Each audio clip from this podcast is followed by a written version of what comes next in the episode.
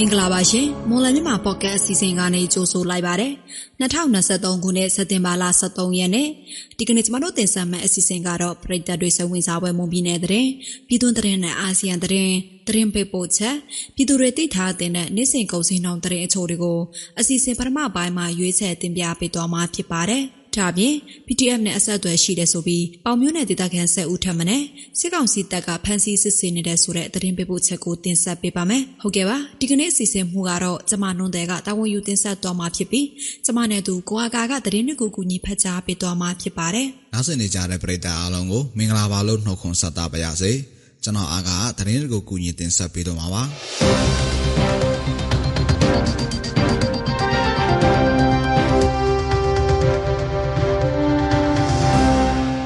ဦးဆုံးသတင်းသဘောအနေနဲ့ကြိုက်ထုံမြို့နယ်တင်စရမြို့ရှိကြိုက်ထုံဒေါ်လန်ရဲအင်အား KRF အဖွဲ့ဝင်တဦးရဲ့နေအိမ်ကိုစစ်ကောင်စီကထပ်မံချိတ်ပိတ်လိုက်တယ်လို့သိရပါဗျ။တင်စရမြို့အမှတ်3ရပ်ကွက်ရှိကြိုက်ထုံဒေါ်လန်ရဲအင်အားစုအဖွဲ့ဝင်ဦးစံရဆိုသူပိုင်ဆိုင်တဲ့နေအိမ်ချဝင်းကိုစစ်ကောင်စီတပ်ကတနေ့ကလာရောက်ချိတ်ပိတ်သွားခဲ့တယ်လို့မြို့ခံတဦးကပြောပါဗျ။ကြိုက်ထုံဒေါ်လန်ရဲအင်အားစု KRF အဖွဲ့ဝင်ဦးစံရရဲ့နေအိမ်ချဝင်းကိုအကြမ်းဖက်တိုက်ဖျက်ရေးဥပဒေပုံမှားရ ချိတ်ပိတ်သိမ်းဆည်းလိုက်တယ်လို့စစ်ကောင်စီကပြောဆိုထားပါတယ်။ကျိုက်ထုံမြို့နယ်အတွင်းကကျိုက်ထုဒေါ်လာရင်အင်အားစုအဖွဲ့ဝင်တွေရဲ့နေအိမ်တွေကိုချိတ်ပိတ်သိမ်းဆည်းမှုစတိုက်ပြုလုပ်လာခဲ့တယ်လို့မြို့ခံတွေကဆိုပါတယ်။ကျိုက်ထုမြို့နယ်တွင်ဒေါ်လာရင်အင်အားစုအဖွဲ့ဝင်အိမ်တွေအပြင်အမျိုးသားဒီမိုကရေစီအဖွဲ့ချုပ်ပါတီ NLD လွှတ်တော်ကိုယ်စားလှယ်ပါတီထောက်ခံသူတွေနဲ့နိုင်ငံရေးတက်ကြွလှုပ်ရှားသူတွေရဲ့နေအိမ်တွေကိုလည်းစစ်ကောင်စီကချိတ်ပိတ်မှုစတိုက်ပြုလုပ်လာခဲ့တာဖြစ်ပါတယ်ရှင်။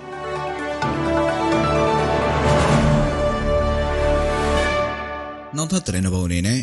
ကြိုင်းစိတ်ကြီးမြို့နယ်မှာမိုးတဲထန်စွာရောသွန်းတာကြောင့်ရေကြီးရေရှမ်းမှုဖြစ်ပွားပြီးပလောပနံစိုက်ခင်တွေပျက်စီးဆုံးရှုံးမှုတွေရှိနေတယ်လို့သိရပါဗျ။ပီလောပီနံစိုက်ပျိုးသူတွေဟာပြောင်းလဲနေတဲ့ရာသီဥအခြေအနေကြောင့်နဲ့မိုးရသည့်ကာလရောက်တာနဲ့မြေနှိပ်ပိုင်းဖြစ်တဲ့ရေမြုပ်နိုင်တဲ့နေရာမှာပီလောပီနံစိုက်ပျိုးရန်မရနိုင်ဘူးဟုကျင်းစိတ်ကြီးမြို့နယ်ကပီလောပီနံစိုက်ပျိုးသူတွေထံကနေသိရပါဗျ။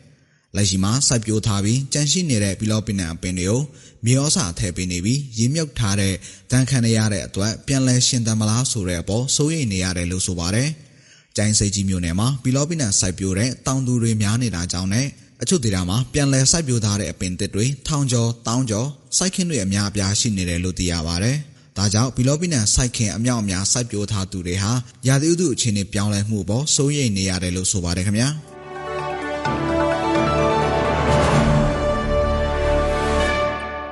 နောက်ထပ်သတင်းတစ်ပုဒ်အနေနဲ့ရေမပုံတင်ချင်းဆိုင်ရာလိုင်စင်ကြီးကိုသုံးဆအထိတိုးမြင့်ကောက်ခံတော်မယ်လို့စစ်ကောင်စီရဲ့ကုန်လန်းပို့ဆောင်ရေးညွှန်ကြားမှုဦးစီးဌာနကအခုလ10ရက်နေ့မှာကြေညာထားတာတွေ့ရပါတယ်။အခုလိုတိုးကောက်ခံရတာဟာပြည်သူတွေရဲ့အခြေခံလားစာနှုန်းကအရင်ကထက်တိုးမြင့်လာတာ၊ရင်စည်းရည်တိုးမြင့်လာပြီးရင်တန်ဘိုးရမြင့်တက်လာတာကြောင့်အခြေခံလားစာနှုန်းတိုးလာလို့ရင်လိုင်စင်ခသုံးဆအထိတိုးလိုက်တာလို့ဆိုပါတယ်။လိုင်စင်ကြီးတိုးမြင့်မှာကိုကားတစ်ခုတည်းအတွက်မဟုတ်ပဲဆိုင်ကဲ၊တုံးမိန်၊လက်စစ်ဆိုင်ကဲတွေပါပါဝင်ပြီးလက်ရှိနိုင်စင်ချင်းနှုံထားရဲ့သုံးစားထိကောက်ခံဖို့စက်တင်ဘာလ10ရက်နေ့ဆွဲပါကရနာရဲ့အကြောင်းကြားစာမှာတွေ့ရပါတယ်။စစ်ကောင်စီရဲ့နေပြည်တော်ကရနာရုံးချုပ်ကပြပို့လိုက်တဲ့အကြောင်းကြားစာကိုလက်အောက်ခံကရနာရုံးတွေကသဘောထားမှတ်ချက်သုံးသက်ချက်တောင်းခံထားတယ်လို့သိရပါတယ်ရှင်။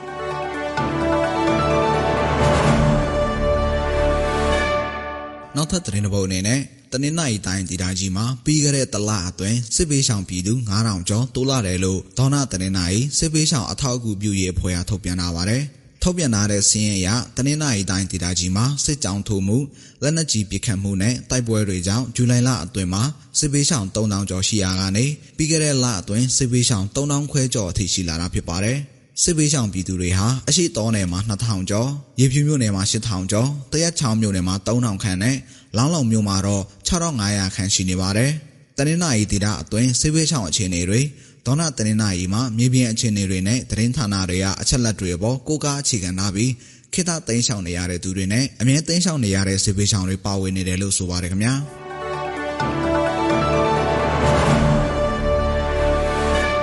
က်ဆုံးသတင်းသဘောအနေနဲ့ထိုင်းနိုင်ငံလူဝင်မှုကြီးကြပ်ရေးဌာနရဲ့သက်ဆိုင်ရာအဖွဲ့အစည်းတွေပူးပေါင်းပြီးထိုင်းနိုင်ငံတွင်ကိုတရားမဝင်ဝေရောက်နေထိုင်သူတွေကိုစစ်ဆေးသွားမယ်လို့သိရပါဗျ။အဲ့ဒီစစ်ဆေးမှုကိုအခုလဒုတိယပတ်ကနေ15ရက်ထိထိုင်းနိုင်ငံတွင်ကိုတရားမဝင်ဝေရောက်နေထိုင်တဲ့သူတွေခိုးဆိုးလူရဲမှုသူတွေနဲ့တရားမဝင်အလုပ်လုပ်ကိုင်သူတွေဗီဇာတက်တန်တွေဗီဇာနဲ့ကိုင်းညီမှုမရှိဘဲအလုပ်လုပ်နေသူတွေကိုချင်းမိုင် immigration ကထုတ်ပြန်ထားတာဖြစ်ပါတယ်။ ချင်းမိုင်ခရိုင်တွင်တာဝန်ရှိသူ80ခန့်ကွင်းစင်ပြီးမြို့နယ်အလိုက်ကြေးရွာတွေမှာစစ်ဆေးသွားမှလို့ဆိုပါတယ်စစ်ဆေးရမှာပညာရေးကြောင့်အလုံးယုံနေရာဖောင်ဒေးရှင်းနေရာရဲ့အတင်ဖွဲ့တွေကိုပါစစ်ဆေးသွားမယ်လို့ဆိုပါတယ်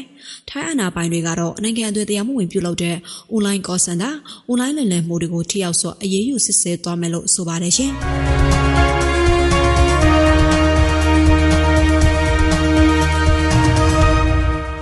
ပြည်သူတွေသိထားတဲ့နေ့စဉ်ကုန်စည်နှုန်းသတင်းချို့တွေကိုမော်လမြိုင်ကုန်စည်တိုင်းကအချက်လက်တွေကိုအခြေခံပြီးတင်ဆက်ပေးပါဦးမယ်။ဟဲ့ပါဒီနေ့ထိုင်းနဲ့မြန်မာငွေလဲနှုန်းကတော့ထိုင်းဘတ်94.33ဝယ်ဈေးရှိနေပြီးရောင်းဈေးက69ခွန်ရှိနေပါတယ်။ဒေါ်လာဈေးကတော့အမေရိကန်ဒေါ်လာကိုဝယ်ဈေးမြန်မာငွေ 3380ရှိပြီးရောင်းဈေးကတော့3460ရှိနေပါတယ်။ရွှေဈေးနှုန်းကမီလင်း16ပဲရက်တာကိုအပြင်ပေါက်ဈေး36သိန်းဝန်းကျင်မှာရှိနေပါတယ်။73စီးတွေကတော့ဒီဇယ်1လီတာကို2560ကျပ်အောက်သိန်း62တလီတာကို2335ကျပ်နဲ့65တလီတာကို2445ကျပ်အထိရှိနေတာပါ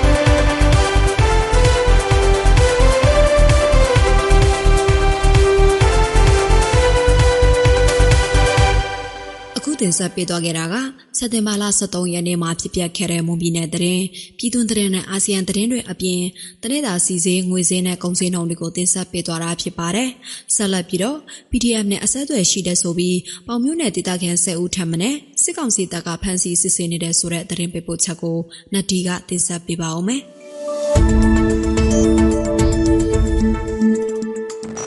သူ့ကာကွယ်ရေးတပ်ဖွဲ့ PDF နဲ့အဆက်အသွယ်လုပ်နေတဲ့ဆွဆွဲချက်ဖြင့်မွန်ပြည်နယ်ပေါင်မြို့နယ်အောက်တတာကြီးရွာခံဆဲဦးထမနယ်ကိုစစ်ကောင်စီတပ်တို့ကဖမ်းဆီးစစ်ဆေးနေတယ်လို့ဒေသခံတွေထံသိရပါဗျ။ပေါင်မြို့မှာရဲစခန်းမှာနေထိုင်ရဲတပ်သားကိုကိုလွန်စုသူပြစ်တက်ခံရတဲ့စစ်တင်မာလာ3ရက်နေ့နောက်ပိုင်းမှာအင်အားတရာဝန်းကျင်ရှိတဲ့စစ်ကောင်စီတပ်တို့ကပေါင်မြို့နယ်အောက်တတာကြီးရွာအတွင်းဝင်ရောက်လာပြီးတော့ဒေသခံတွေကိုလိုက်လံဖမ်းဆီးခဲ့တယ်လို့ပေါင်မြို့နယ် အောက်တတာရွာခံသူကဆိုပါတယ်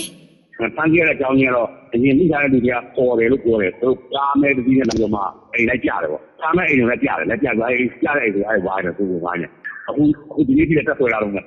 တကယ်အချက်ရောက်နေတာဆရာပေါင်းနေရှိတယ်သူပြန်ထွက်တာရှိတယ်သူပေါ်လာရှိတယ်ပေါ့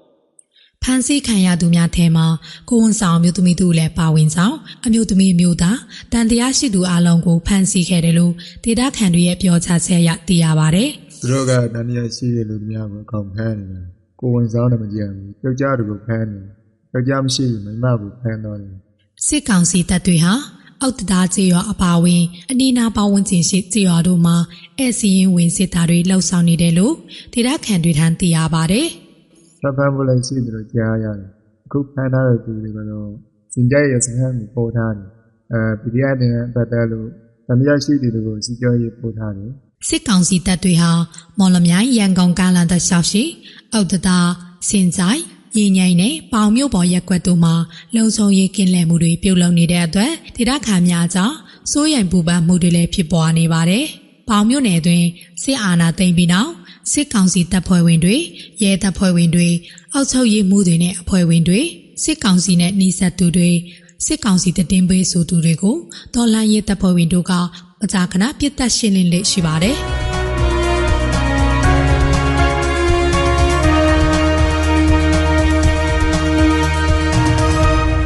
ကျွန်တော်ရဲ့မွန်လန်းမြန်မာပေါ့ကတ်အစီအစဉ်ဒီမှာတင်ပြီးဆုံးပါပြီ။နားဆင်ကြတဲ့ပရိသတ်အားလုံးကိုနောက်နေ့အစီအစဉ်တွေမှာဆက်လက်အားပေးကြပါအောင်လို့ဖိတ်ခေါ်ရင်းအစီအစဉ်ကိုအဆုံးသတ်ပါရစေ